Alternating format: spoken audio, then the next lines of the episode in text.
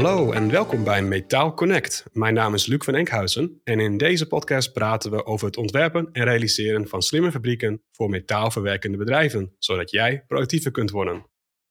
Vandaag is Erwin van Zomeren bij ons te gast om met ons te praten over Smart Model-Based Systems Engineering. Erwin, welkom bij de show. Ja, welkom. Dankjewel dat ik er mag zijn. Leuk. Leuk, voor bedankt voor de uitnodiging. Voor mensen die jou net voor het eerst ontmoeten, kun je misschien even kort vertellen over wie je bent en wat je zo doet? Ja, natuurlijk. Um, nou, zoals gezegd, mijn naam is dus Erwin van Zomeren. Ik kom uit uh, ja, de maakindustrie. Ik heb uh, in mijn carrière mogen, uh, mogen bouwen aan nieuwe productielijnen, maar ook aan nieuwe producten. Dat heb ik gedaan in de automobielindustrie. Daar ben ik ook ontgroend als het gaat over lean manufacturing en, en Zes Sigma. ik heb in de vliegtuigbouw ehm, mijn, mijn sporen verdiend en ehm, en in de machinebouw. Uh, ben even kijken, in 2008 voor mezelf begonnen. Heb daar een adviesbureau gehad voor met name digitale transities. En weet je, um, op het moment dat je alleen maar advies geeft en je ziet aan de zijlijn dat goed bedoeld advies gewoon domweg niet opgevolgd kan worden omdat men er geen tijd voor heeft, uh, ben ik aan het denken gegaan en uh, heb besloten om, om, om toch nog één stap verder te gaan en um, mijn klanten te helpen bij die transitie door het inderdaad voor hun te doen, met hun te doen. Dus je moet je voorstellen dat we dan uh, parallel aan hun werkzaamheden, hè, omdat uh, mijn klanten het dan natuurlijk toch hartstikke druk hebben, uh, het werk voor hun doen, onder hun regie.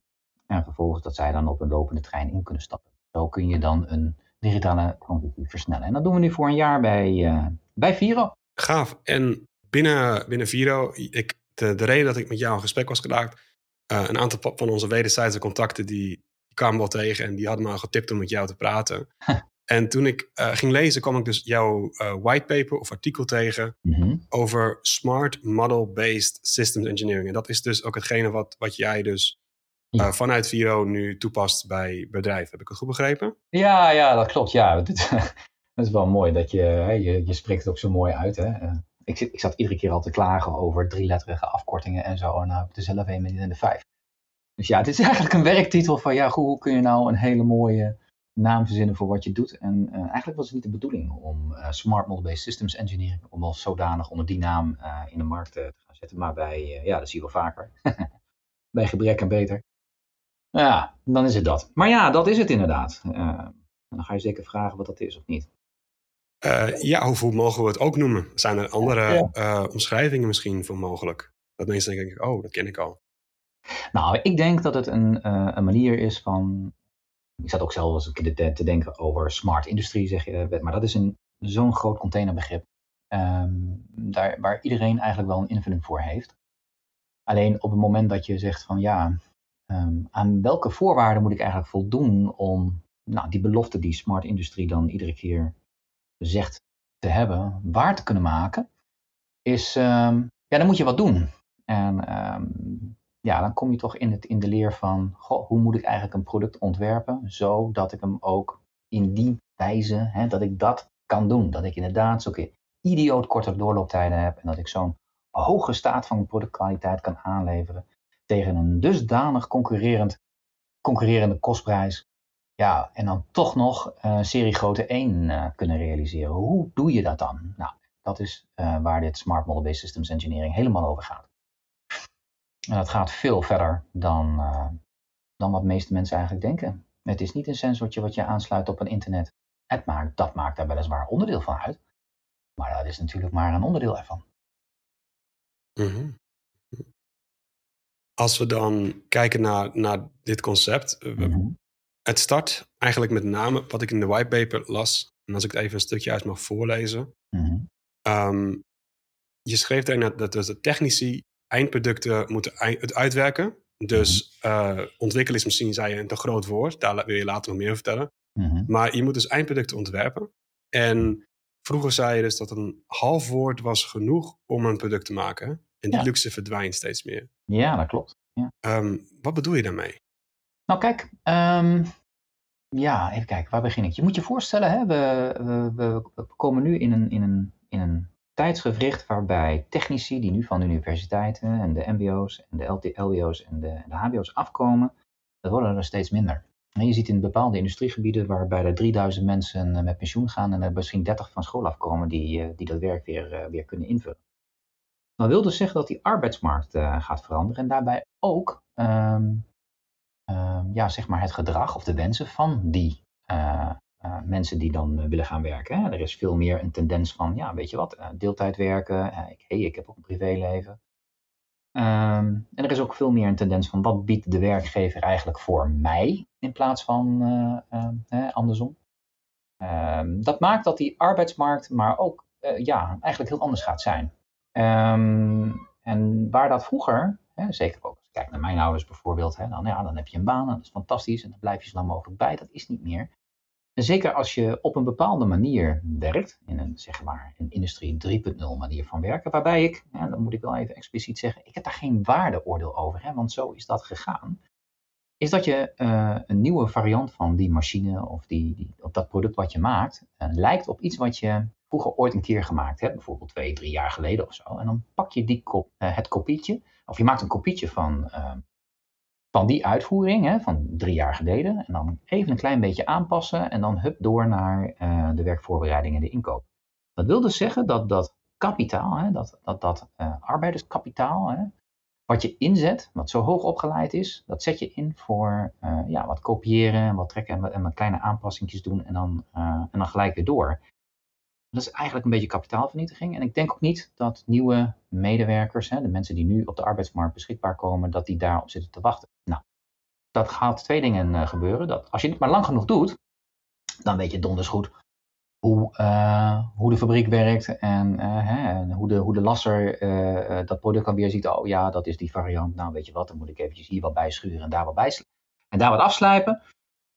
Um, en tekeningen hebben dan niet um, um, zijn er niet helemaal volledig uitgewerkt. Hè. Die zijn, die zijn uh, niet slecht of zo. Alleen uh, ze gaan er ook van uit dat de man die die tekeningen leest om het product te maken of het onderdeel te maken, een hele bak ervaring heeft in, het, uh, in zijn werkzaamheden. En dat gaat veranderen. Hè. Je zou je kunnen voorstellen van, nou weet je, je, je, je het druk en je fabriek zit vol. Uh, je wil wat uitbesteden. En je denkt van, nou, ik ga wat, uh, wat onderdelen uitbesteden. En je vraagt aan je inkoper van, goh, kan je, kun je met dit tekeningenpakket uh, ervoor zorgen dat het, dat het ook uitbesteed gaat worden? En dan gaat die inkoper met de spulletjes onder de arm naar toeleveranciers toe. En die zeggen, nou, dit moet je maken. En dan kijken die mensen voor het eerst naar die tekeningen. En die missen die jarenlange ervaring van het maken van die onderdelen. En dan krijg je dus de onderdelen precies zoals jij ze op die tekening hebt gezegd. Nou, het zal je niet verwonderen dat dat niet goed gaat. Gaan, uh, niet goed gaat. Nou, dat gaat dus veranderen, dat is wat ik daarmee bedoel. Je kunt er niet meer op vertrouwen dat het allemaal zomaar goed gaat. Je moet ervoor zorgen dat die specificaties die je naar de fabriek toestuurt 100% betrouwbaar zijn. Mm -hmm. En wat is de oplossing daarvoor dan? Dat is nu, je hebt een heel, ik ben nu heel nieuwsgierig. Ik heb me echt nieuwsgierig gemaakt van... oké, ik begrijp inderdaad. Kopiëren en plakken van, van 3D-modellen... en dan hmm. Dat een beetje uitwerken naar, naar, naar werktekeningen... is inderdaad niet nu iets van deze tijd. En daar maak je niemand enthousiast mee... om uh, dagen door te besteden aan het uh, genereren van werktekeningen... met uh, toleranties erop. Nee, precies. En als één modelletje van dat je hele model uit elkaar klapt... dat je opnieuw beginnen. Dat, dat heb ik ook meegemaakt als ingenieur. Ja. maar wat is, de, wat is dan de oplossing? Je hebt me nu heel nieuwsgierig gemaakt. Um, nou, in grote lijnen gaat het erom dat je kennis herbruikt. Dus alles wat je al een keertje gedaan hebt, dat je dat opnieuw kunt toepassen. En dat is wel een hele grote korte bocht. Um, maar om dat te doen, moet je eigenlijk op een andere manier kijken naar wat je aan het, uh, wat je aan het maken bent. Voor die machine bijvoorbeeld. Hè? Als je kijkt van, nou, ik maak bijvoorbeeld uh, wasmachines. Of, nou, bijvoorbeeld wasmachines. Dus waaruit bestaat nou een wasmachine? Oké, nou, er moet iets in en er moet iets op en er moet iets aan. Er moet iets aangedreven worden. Nou, programmaatjes, dit doet het bellen. Je kunt je voorstellen dat iedere wasmachine een bepaalde hoeveelheid functies bekleedt. Hè? Als in het doorvoeren, als in het spoelen, als in... Nee, kun je voorstellen, dat soort werkwoorden. Hè? En uh, op het moment dat ik maar slim genoeg ben door uh, van iedere deelfunctie varianten te bewaren, hè, dan noemen we dan modules, uh, en iedere keer van die varianten weer op eenzelfde manier kunnen aan laten sluiten op varianten van weer de opvolgende functie, dan krijg ik een soort Lego-achtig iets waarbij je iedere keer variaties van wat je eerder hebt gemaakt kunt koppelen aan, uh, aan, aan een geheel. En zo configureer je eigenlijk iedere keer een compleet nieuwe machine. Nou, ik denk wel dat als je die kennis dan hergebruikt, dat jouw kennis steeds beter wordt. En datgene wat je dan vastlegt, een steeds hogere kwaliteitsstandaard krijgt en ook steeds completer gaat worden. Het gaat niet over één nacht ijs, maar als je zodoende bouwt aan zeg maar een bibliotheek met dit soort functionele bouwblokken, ja, dan wordt het heel interessant. Nou, en wij noemen dat nou uh, een systeem. Dus een systeem is eigenlijk een set van allerlei verschillende modulevarianten die op elkaar kunnen passen. Zeg maar. En dat maakt een soort, nou, je zou platform. En uit dat platform configureer ik iedere keer die unieke samenstelling. En dat is natuurlijk de truc dat je weet wat de klant gaat vragen. De truc dat je weet dat je toch iedere keer een unieke oplossing kan genereren waarbij de klant niet eens in de gaten heeft dat het inderdaad opgebouwd wordt uit standaard bouwblokken. En ik denk dat als je uh, nu van school afkomt en je mag bezig zijn om zo'n platform te onderhouden, uit te breiden en steeds verder te innoveren, dat dat heel erg inspirerend gaat zijn. En dat je juist hè, door, uh, je moet je eens voorstellen, als je uh, in, in, de, in, de, in de ideale wereld, de werkelijkheid is altijd anders, maar in de ideale wereld, je die modules op elkaar kan zetten, al tijdens het verkopen van die machine. Oh, u wilt deze treetjes gewassen hebben? Ja, deze treetjes moeten gewassen. Hoeveel moeten dat dan zijn? En wat voor vervuiling hebben we het dan over? Nou, en aldoende in dat vraag- en antwoordgesprek waarmee die verkoper, en guided selling, dan aan de gang gaat, weet hij al de specificaties, dus weet hij al welke soorten bouwblokken hij nodig heeft voor deze opdracht. Dan kan hij zeggen, nou, dan bedoelt u dit, hè, en deze specificaties, en deze offerte komt daar dan uit, en dan gaat hij dit en dat doen. Oh, nou, Zit er dan ook nog dit op? Zit er dan ook dat op? Kan. Nou, allerlei opties, varianten die je erbij kan zetten. Maar op een bepaald moment, sorry, op een bepaald moment is die offerte gereed en wordt dat opdracht. En in het ideale geval is die opdracht gelijk ook al klaar. En dat je dan uh, je engineering afdeling, je order engineering afdeling, heb je dan niet meer nodig. Dat wil niet zeggen dat je geen engineers nodig hebt. Hè? Die engineers, die zet je natuurlijk in om dat platform zo zo, zo robuust mogelijk te maken. Met zoveel mogelijk varianten, met zoveel mogelijk mogelijkheden. Dus ja, ik krijg ook altijd allergieën als mensen zeggen, ja, we moeten standaardiseren, want dan gaat het allemaal heel steeds sneller. Dan denk ik, oh nee, krijg altijd vlek in mijn nek. Niet doen, niet standaardiseren. Wat je moet doen, is juist uh, dit soort functies en die variaties mogelijk maken, waardoor je steeds meer seriegrootte 1 gaat maken. Maar dan wel gebaseerd eerder uitgevonden kennis. En zo herhaal je kennis en zo nou, dat is eigenlijk de oplossing voor de vraag die je net schetste van, goh, hoe ga je dat dan, wat is dan het antwoord daarop? Dit antwoord heeft nog veel, veel verdergaande uh, uh, consequenties. Hè? Dan kun je je bijvoorbeeld voorstellen, als je dan als groep engineers, dat je dan hebt, ehm, de opdracht krijgt van, nou jongens, we hebben nou een platform en ik weet niet hoeveel van die verschillende modules, maar we hebben daar nog een iets te grote hoeveelheid onderdelen bij. Bijvoorbeeld als je kijkt naar het snijzet en boorvreeswerk, wat er allemaal in zit, en laswerk. Als je nou eens, stel je nou eens voor, hè, als je nou eens die opdracht krijgt om met zo min mogelijk onderdelen zoveel mogelijk varianten in uh, te kunnen maken. Zodat bij iedere configuratie die je zeg maar door de fabriek heen haalt, de hoeveelheid overeenkomende onderdelen, de commonality in parts, steeds hoger wordt. Moet je eens voorstellen wat dat voor consequenties heeft in je logistieke proces. dat je dus um, voorraadgestuurde, slim voorraadgestuurde uh, onderdelen in je fabriek neer gaat leggen. Kijk, als we het hebben over bouten en moeren, vinden we het allemaal inmiddels heel erg normaal. Dat, uh, nou, bijvoorbeeld, of Febri, uh, hele grote rekken in, die, in jouw fabriek onderhoudt waar alle bouten en moeren in staan. Um, maar het is veel minder speciaal en het is heel erg, sorry, het is juist heel speciaal als je dat ook voor je eigen OEM-onderdelen zou weten te doen. Stel je nou eens voor dat je het zo slim zou kunnen doen. Dan hoef je dus niet meer klantorder gestuurd die specifieke onderdelen te laten maken. Dat kun je dan doen voorraadgestuurd. En dat wil zeggen dat je je klantorder ontkoppelpunt Dat is het punt in je, in je, in je, in je creatieproces waarbij de klant nog invloed heeft, helemaal naar voren kunt brengen, naar dat verkoopproces toe. Dat wil dus zeggen dat je eigenlijk je onderdelen al hebt op het moment dat je daar opdracht voor, uh, dat je de opdracht hebt gekregen om een machine te bouwen. Moet je eens voorstellen wat voor een enorme, enorme kracht aan doorlooptijd dat, uh, dat scheelt. Hè? Geen engineeringkosten, geen ordergestuurde inkoop, geen ordergestuurde werkvoorbereiding, geen ordergestuurd magazijn. Allemaal voorraad gestuurd. Het enige wat je nog moet doen is zien dat je die uh, machine ergens in je logistieke systeem weet in te passen. Nou ja, dan weet je precies wanneer uh, dat ding gereed kan zijn. Kun je je voorstellen, dat als je één keer besmet bent met dat idee hè, en dat je daaraan werkt, wat voor een enorme kracht dat geeft ten opzichte van doorlooptijden en, en, kwaliteit. Daar kom je gewoon niet meer aan als je daar, uh, als er één in jou bijt, zeg maar, als, als, als concurrent, die, als die al zover is en jij moet daar nog aan beginnen, dan krijg je het moeilijk. Uh Oké, ja, dit, dit is, wat een verhaal, dankjewel. Ja. Dit, is, dit is super uitleg. Ik, uh, ik, ik, zit met bewondering te luisteren naar hoe je dit uh, samen samen uit dit verhaal opbouwt en tot dit, uh, deze conclusie komt. Um, even voor, voordat ik het goed begrijp, dat is wat ik mm eigenlijk probeer te doen in de, in de show, is even een korte samenvatting te nemen. Mm En ik ga soms de hele wilde samenvattingen maken die misschien heel veel weglaten, maar even om terug aan de base te gaan. Oh, dus wat ik heb.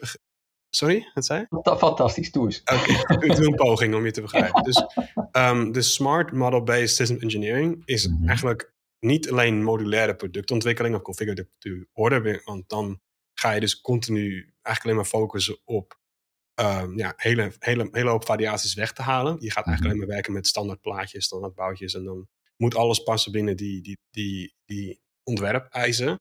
Dus wat mhm. krijg je dan machinebouwbedrijven die inderdaad maar met uh, heel, heel strikt zijn op hun ingenieurs, dat ze alleen maar bepaalde, omdat ze mogen gebruiken die zeg maar in de standaard catalogus vallen van hun machinebouwbedrijf.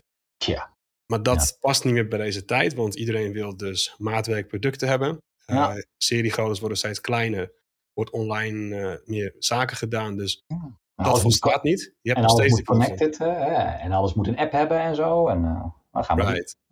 Dus je kan niet meer zeggen, wij hebben één machine, dat is een zwarte machine en dat is hem. Je, je wilt dus talloze variaties kunnen maken van machines. En daardoor is er helemaal blind, zeg maar, het standaardiseren van je um, je, je portefeuille van onderdelen die je mag gebruiken, is niet meer voldoende. Nee. En, en dan zit je dus van, ja, het is ook helemaal niet leuk voor de ingenieurs om natuurlijk maar tekeningetjes te kopiëren en te plakken en de, de, de revisienummer te veranderen en dat dan de hele dag te doen. Dus wat jij eigenlijk dan hiermee voorstelt, is dat mhm. dus een, uh, een ingenieur die wil binnenhalen binnen een bedrijf of ingenieurs die wil doorontwikkelen, dat je mhm. die moet helpen om een, een systeem te bouwen waarin dus het aantal variaties toegenomen kan worden, waar je dus wel heel flexibel kunt omgaan en al die kennis erin stopt uh, van, van alle producten die je eerder hebt gemaakt hebt.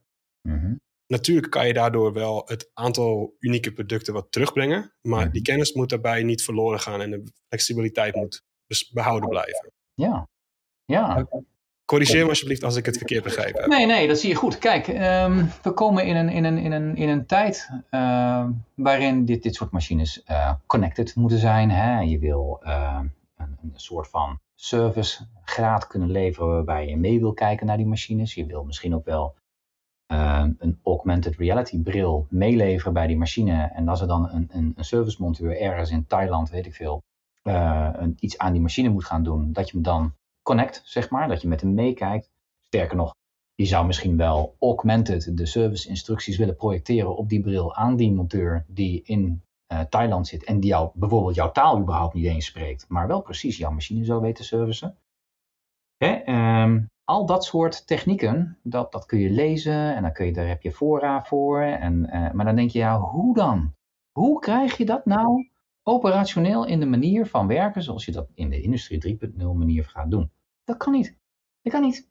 Je zult daar uh, uh, uh, beheer moeten hebben over die functionele bouwblokken, waar je de kennis en de data die je daarvoor nodig hebt om het te service, om het te maken, om het te produceren, om het al dat soort zaken meer aan dat model weet te hangen. En kijk nou, model-based, daar komt het vandaan. Dus ja, dat, dat, dat zeg je goed. Oké, dus de volgende generatie inderdaad in deze ontwikkeling. En dat is natuurlijk ook denk, de definitie van um, de industrie 4.0 ontwikkeling. Je hebt natuurlijk een doorontwikkeling van wat we al hebben en dan alles aan elkaar gekoppeld met ondersteuning van de laatste technologieën die we hebben in de cloud, uh, big data en dat soort zaken. Connected, de adaptieve, uh, uh, weer, de 3D-printen. Mm Ja, absoluut. Er, zijn een hele, er is een hele waaier van dingen die, die eigenlijk samenkomen, die een doorontwikkeling zijn van dingen die, die, die we hebben. Dus voor veel bedrijven denken, oh, er is eigenlijk helemaal niets nieuws aan. En dat is niet waar. Het is juist dat alles ineens samenkomt. En dat maakt dus hele nieuwe dingen, zoals exact. dit concept wat jij hier nu uitlegt. Ehm, voor wat voor bedrijven is ehm, dit het meest van waar en welke denk je dat het misschien later aan de orde gaat komen? Dus wanneer in hun lifecycle of levenscyclus, in Nederland gezegd, mhm. Ehm, is dit het meest actueel? Ja, ik denk dat ik daar, misschien ben ik dan ook wel een beetje Don Quixote, dat weet ik ook niet. Ik ben daar misschien ook naïef in. Um, ik vind, laat ik het daar maar, laat ik, laat ik het maar bij mezelf houden. Ik vind het geschikt voor de maakindustrie in Nederland in MKB. Uh, eh, alleen, uh, hey, ik heb zelf ook gewerkt in dat MKB en ik weet uh, hoe het met je is. Ik weet hoe die werkzaamheden gaan. Um, het is voor MKB Nederland loei moeilijk eigenlijk niet te doen.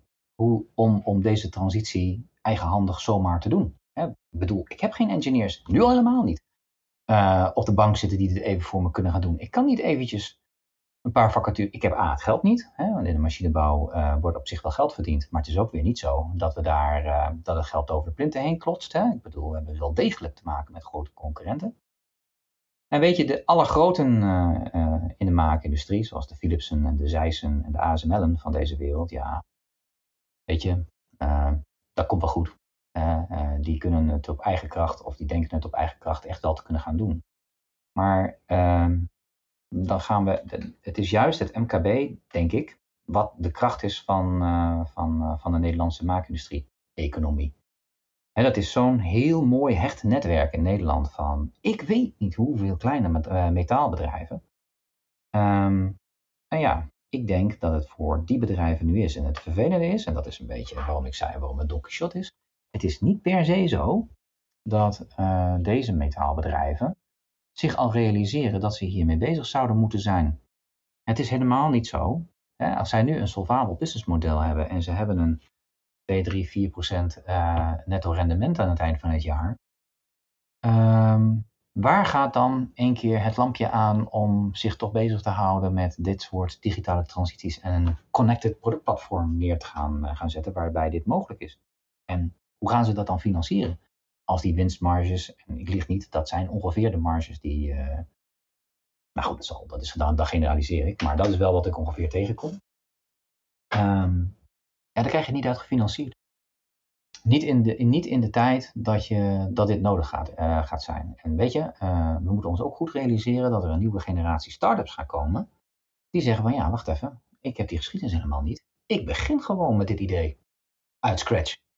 Ja, maar die, die club, die gaat, uh, die gaat heel snel zijn. En dat is ook waarin alle goeroes dan altijd schrijven van ja, het is disruptief en het gaat een enorme schokgolf geven door de industrie heen. En uh, nou, al dat soort verhalen meer, dat heb je allemaal kunnen lezen.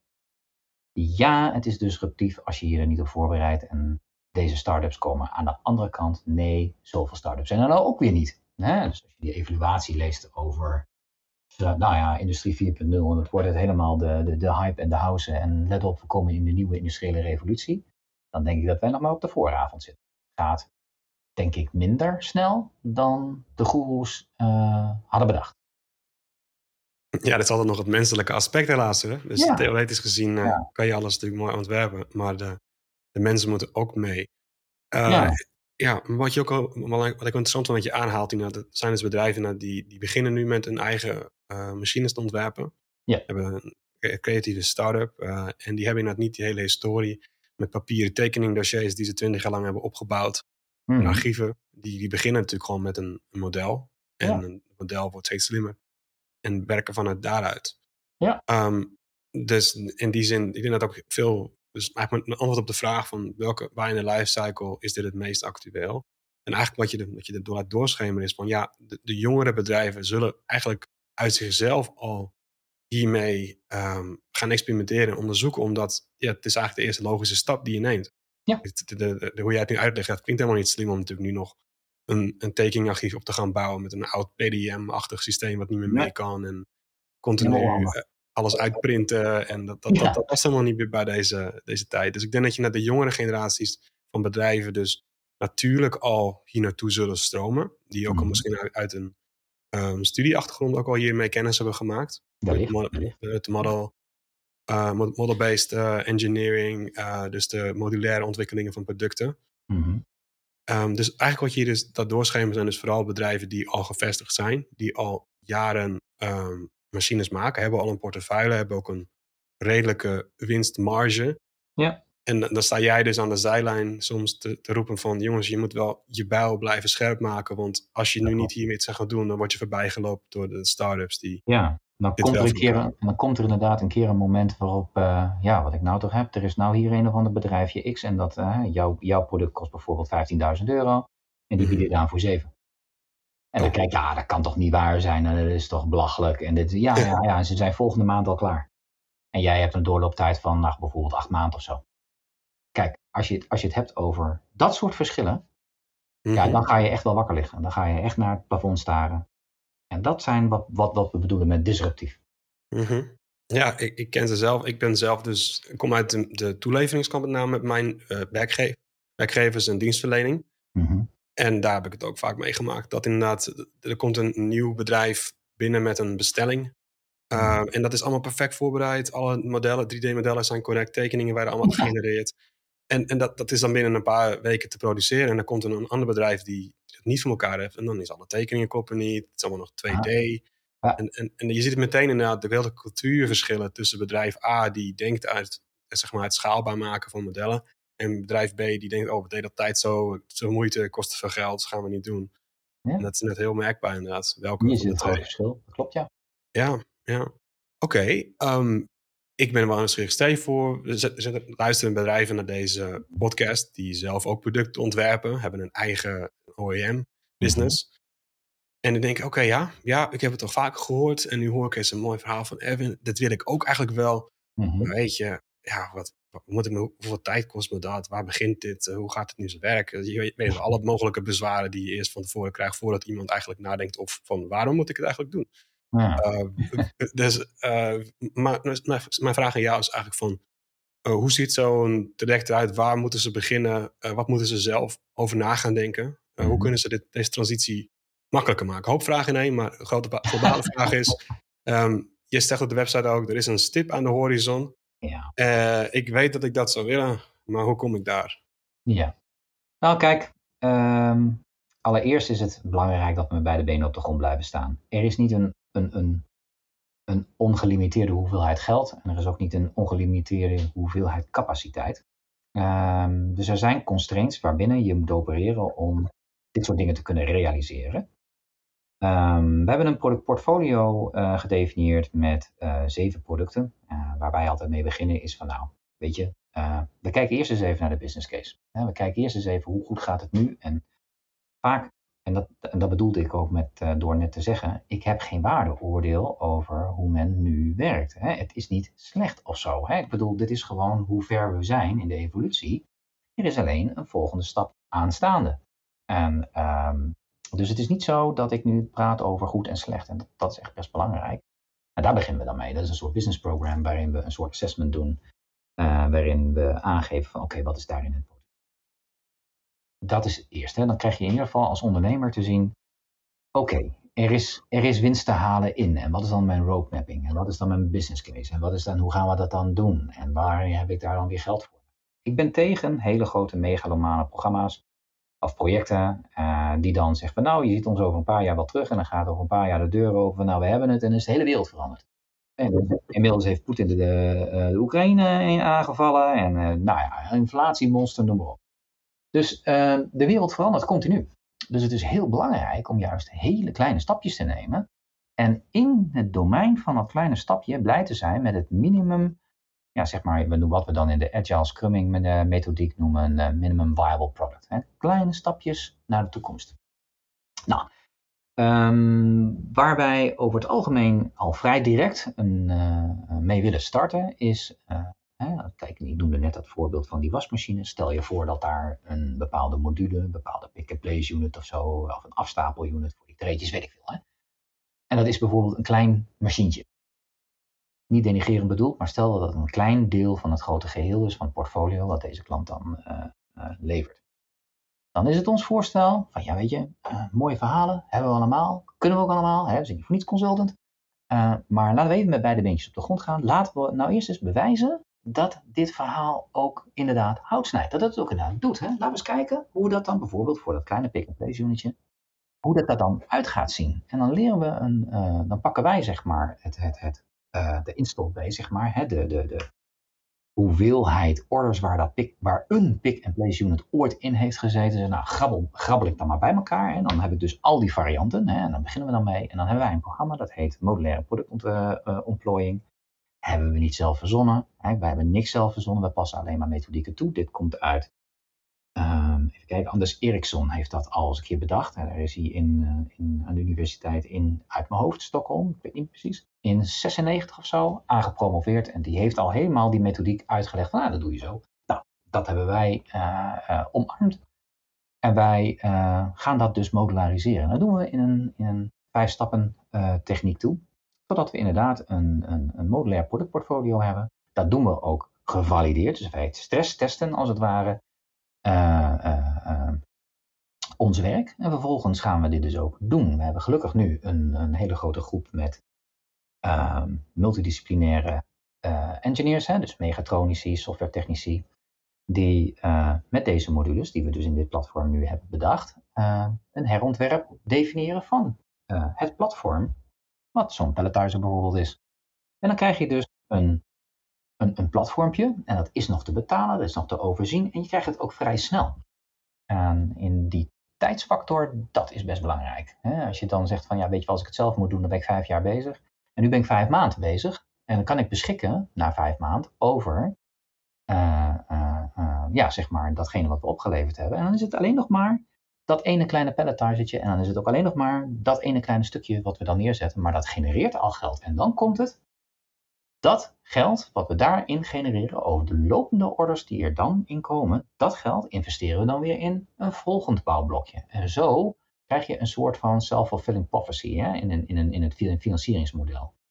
En geleerd dat als je dat met, uh, hè, wil je het voor MKB'ers mogelijk maken om dit soort transities te doen, wil het überhaupt mogelijk zijn, hè, dan zul je dat op deze manier moeten doen. Je zult het financierbaar moeten maken aan de ene kant door aan de andere kant de winst die je al haalt in kleine projectjes gelijk door te sluizen naar het volgende projectje, zodat je die transitie als het ware met brandstof, lees geld, voedt. En dat is wat we doen. En dat kunnen we natuurlijk, uh, en dat is het grote voordeel als je dat uh, uh, binnen Viro doet, is dat we dat dus voor de MKB'er doen, terwijl de klant gewoon nog zijn reguliere werkzaamheden blijft doen. Dus we, we storen hem niet. Mm -hmm. En daar, ehm, ja, dat is wat we doen. Uh -huh. Het me meteen denken aan de olietanker en de speedboot-analogie. Ja, waarin dus inderdaad je, je business is een grote olietanker die, die zeg maar nog voorbij gaat. Ja. En je gaat iedere keer met een speedbootje van de olietanker af naar voren verkennen, experimenteren. Ja. De speedboot moet wel iedere keer weer nieuwe brandstof krijgen, wat je zegt. Ja. Maar die speedboot kan vooruit gaan, heeft, heeft de uh, manoeuvre, kan manoeuvreren door alle vraagstukken ja. En uh, maakt ook eigenlijk in je bedrijf een, een, gevoel van, kijk, dit gaat snel, dit is wat we nu aan het doen zijn. Mm -hmm. En dat is ook een hele goede toepassing in wat we eigenlijk in, in, in alle software trajecten, digitalis digitalisatietrajecten mm. uh, kunnen toepassen. Daar kunnen we van leren, want inderdaad een hele organisatie uh, in één keer ombouwen, dat, dat, dat is niet. niet te doen. En je hebt allerlei weerstanden van, van, van gevestigde orde en ja. systemen in de boekhouding of systemen in de administratie die daar niet op mee kunnen ook gewoon, omdat het gewoon te, te omvangrijk is. Ja. En dan is het dus die kunst om dus met zo'n speedbootje er uit te vliegen, te gaan. De, inderdaad, nu een klein voorbeeld noemen, ja, een palletizer als een voorbeeld. Ja, bijvoorbeeld. Uh, ja, dat is inderdaad niet een heel, nou ja, misschien vloek ik een beetje, maar uh, het is niet heel complex uh, vergelijkend tot inderdaad de, je, je core ja. business is een hele mobiele kraan of zo. ja. Precies. Re-engineeren. Ja. Ja. ja. nou ja, dus, en zo moet je dat zien. En nou, ik wil nog wel even reageren op hè, wat je zei van ja, je hebt natuurlijk een teneur van nou, wijzigen is allemaal de hè, organisatiewijzigingen, is allemaal moeilijk en je krijgt daar ook uh, weerstand in. Hè.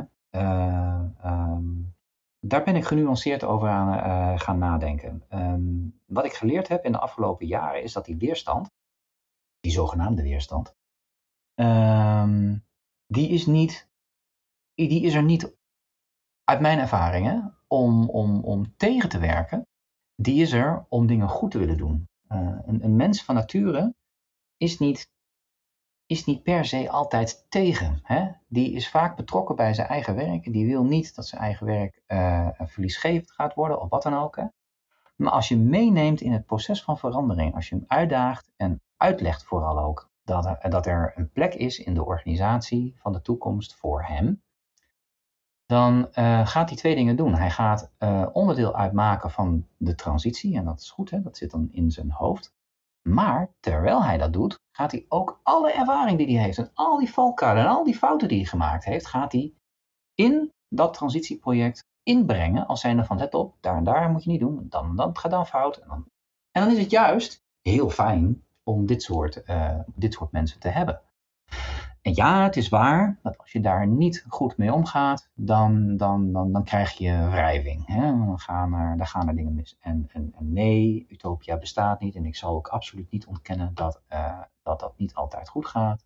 En dat er soms inderdaad een, een reshuffling van, van personele zaken nodig zijn. Maar als ik terugkijk naar al die projecten die ik tot nu toe in al die jaren heb gedaan, komt dat eigenlijk maar zelden voor dat het echt gierend misgaat en dat er inderdaad mensen ontslagen moeten worden, wat dan ook. Eigenlijk nooit. Tenminste niet dat ik me dat kan herinneren. En ja, er is wel weerstand. Maar het ligt er even aan hoe je, de, hoe je dat interpreteert. En als je dat ten goede weet om te buigen, heb je daar juist een hele groot, uh, heel groot voordeel aan. Uh -huh. Dus in plaats als het als weerstand, dat klinkt natuurlijk als een negatief um, woord te pakken, kunnen we het ook als feedback misschien zien. Ja. Ja, um, ja inderdaad. Ja, ja, want zou je kunnen zeggen. Hè? Uh, uh, vergis je niet, hè? als mensen heel lang werkzaam zijn voor, voor, voor een werkgever, dan, is dat, dan maakt dat een onderdeel uit van hun leven. Hè? Die, die, komt, die komt met zijn problemen thuis aan de keukentafel. En die vertelt aan zijn, eh, aan, aan, aan zijn man of aan zijn vrouw en aan zijn kinderen wat hem, wat hem beweegt en wat hem meemaakt. Hè? Ik bedoel, uh, het is niet voor niets dat, dat burn-out en overspannen klachten volksziekte nummer één lijkt te zijn of wat dan ook. Dat komt echt niet omdat mensen niet betrokken zijn. Dat komt juist omdat ze super betrokken zijn. Dus het is, uh, uh, het is maar net aan hoe je wil interpreteren wat veranderingen is. Of wat veranderingen met zich meebrengen en hoe je daarmee om wil gaan. En dat is, weet ik wel, dat is, een, dat is, de, dat is de softe kant van het veranderen. Maar ik ben daar gevoelig voor, omdat ik toch ook weet, hè, uiteindelijk moet die werkgever, hè, mijn klant, moet het dan zelf gaan doen. En dat is met die mensen, hoe je het ook bent of verkeerd. Ja, ja ik, ik, begrijp nu ook een stuk beter waarom jij in het begin ook volgens mij noemde dat je toen je, je nog op je, jezelf was, dat je mhm. aan de zijlijn stond te adviseren en dan zag je dat mensen dus te druk waren. Dus ja. je vertellen om er iets mee te doen. Ja. En of, of te veel obstakels zien. En, en inderdaad nu doen wat je dus uh, er echt mee bezig bent met die mensen. Dus dat je dus ook gaandeweg het, ze kunt helpen met het daadwerkelijk uitvoeren van je dan ja. dus uh, ja, ook wat meer in een soort van ja, leidende rol kunt zijn, begeleiden. Ja, exact. Kijk, weet je wat het is? Wat, wat, wat het voor mij uh, zo, zo, zoveel voldoening geeft, is dat je inderdaad kunt helpen. Je kunt inderdaad ontlasten. En ik weet wel, dat is, het, dus dat is niet de exacte kant, dat is de softe kant van het werk. Maar dat geeft voldoening. Hè, uh, als je aan de zijkant uh, ziet hoe mensen zich kapot werken, hè, dat is omdat ze toch zo betrokken zijn. Ja, dat ze soms wel twee heren moeten doen, of soms door prioriteit uit elkaar gescheurd worden. En daar krijgen ze echt wel last van. Daar gaan mensen van, ja, van, van, van de leg. En dan worden mensen soms burnt out. En soms gaan ze dan ook inderdaad overspannen uh, zijn. En dat is, dat is uh, uh, ook als, als je daar als adviseur, je ziet het aankomen. En denk je, nee, daar gaan we weer. En dat doet pijn. En op het moment dat je dat nu niet hoeft te doen, um, ja, dan geeft dat echt heel veel voldoening. Omdat je inderdaad kunt helpen. Helpt natuurlijk ook omdat je aan de andere kant van de tafel hebt gezeten. Hè? Ik ben uh, ik ben, hè, wat ik al schetste in mijn intro, ik ben niet altijd consultant geweest. Ik heb gewoon aan die lijn gezeten. En ik heb met de, aan de knie in de drek gezeten van hoe komen we hier dan weer uit? Ja. Nou, dat vormt je wel. Nou ja, inderdaad. Uh, dit, dit, dit, wat jij zegt, dit is de, ja, het klinkt fantastisch. Echt, ik, ik vind het heel inspirerend om je te horen wat, wat jou uh, drijft en ook hoe je dat dan toepast. Um, en wat je ervan geleerd hebt. Ja, grandioos dat je ook inderdaad uit die praktijk hebt gezien wat de frustraties zijn en dat nu toepast op een grotere schaal. En je kan het ook nog eens in een, in een uh, begrijpbaar formaat uitleggen. Uh, in, in, inderdaad, bijvoorbeeld je, je whitepaper die ik had gelezen. Dat was heel, heel, heel interessant. En um, ja, ik denk dat we qua, qua tijd van de show okay. uh, moeten we wel gaan afronden. Is er iets nog wat, ik, wat je nog graag zou willen vertellen of een vraag die ik je had moeten stellen in dit topic, in dit, in dit onderwerp van smart model-based systems engineering um, en alles daaromheen? Ja, nou ja, uh, um, nou in ieder, ieder, geval als iemand een beter woord weet voor die, uh, voor die titel, dan hoor ik dat ook graag. Dat is in ieder geval één. Dus maak er een, prijs, een prijsvraag van, zou ik zeggen. okay. um, hè, ja, wat ik verder belangrijk vind is dat, en wat ik eigenlijk iedere keer probeer over te brengen, is je moet je realiseren dat er een andere wereld gaat komen. Van connected producten, misschien met uh, meer as a service, een dienstverlening, dat er een markt gaat komen die helemaal geen assets meer in bezit wil hebben, maar juist de dienst wil hebben of alleen maar gebruik wil maken van machines. Je daardoor op een hele andere manier naar, uh, naar je eigen productportfolio moet gaan kijken, naar je markt moet gaan kijken. Dat die disruptie, zeg maar, die dient zich echt wel aan de snelheid. Hè? Als je de wet van Moore bekijkt, kijkt naar hoe verschrikkelijk veel data er tegenwoordig al door de lucht en door kabels heen gegoten gaat worden. En dat onze alsmaar toenemende vraag naar datacentra en cloudwerk en dergelijke. Als je alleen al daarnaar kijkt en die explosieve groei ziet, dan moet je wakker worden. Want het duurt even voordat je daar die transitie hebt, uh, hebt gemaakt. En laat je alsjeblieft niet verrassen door start-ups. Dan heb je het nakijken. En weet je, dat zou ik jammer vinden. Waar veel van mijn, uh, van mijn, van mijn klanten zijn familiebedrijven die hebben door generaties na generaties hebben, uh, hebben ze alles al doorgemaakt. En deze wordt echt spannend. Dus als je daar nu niet over nadenkt en je niet realiseert dat zo'n transitie echt nog wel wat tijd kost en je concurrenten misschien minder tijd of al verder zijn in die transitie, dan moet je niet naïef worden. Dit gebeurt gewoon. En je moet het zien als een kans. En dat, dat, misschien is dat ook wel een beetje ter afsluiting. Hè? Ik weet niet meer precies hoe die Franse filosoof heette. Maar uh, die zei van ja, als de wind van verandering optreedt, hè, dan heb je twee soorten mensen. Hè. Je hebt mensen die gaan, uh, gaan zeilen, je hebt mensen die windschermen opzetten. Zorg dat je lekker gaat zeilen, want dat kan ook ontzettend leuk zijn. ja, en, de Hollandse variant is toch uh, in the, in the times that the winds change, others um, Ron en others built windmills, volgens mij was dat de, de, de wat ook wel buiten, buiten de context wordt gezet. Maar, maar de, de, een had windmolens en die andere raakt in paniek. En, ja. en dat, dat, is net ook wel een mooie, mooie samenvatting. Nou, dit was echt een geweldige afsluiting. Um, ik vond het ook een geweldige uitleg en enorm genoten. Ik heb heel veel geleerd van je. Um, waar kunnen mensen dus meer over jou persoonlijk te weten te komen? En misschien ook over de dingen die jouw business aanbiedt. Nou, je kunt me altijd vinden op mijn, uh, op mijn LinkedIn profiel. En je kunt me altijd vinden in, uh, op de Viro website. Hè. Je doet maar Viro in te tikken en je komt op de website en je denkt, wat staat daar nou ergens? Smart Model-Based Systems Engineering. Um, zelf denk ik dat we daar nog, uh, nog wel wat werk te doen hebben aan, aan die website. Want ja, een website, soort etalagekastje is dat ook. Hè. Maar ik, ik ben veel meer geneigd om naar mijn klanten toe te gaan. En hoe, hoe die dan te benaderen. Um, dus daar zullen we nog wel wat aan gaan doen. Maar daar kun je ze vinden. Daar liggen ook wel wat, uh, ligt ook materiaal. En anders bel je me gewoon. Of mail je. Kan ook, hè? Super. Oké, perfect. Nou, bedankt dat je vandaag hebt meegedaan aan de show. Oké, graag gedaan. Top. Oké mensen, nou dat was het voor vandaag. Ik ben Luc van Enkhuizen en ik hoop dat je de volgende keer weer luistert naar de Metaal Connect podcast.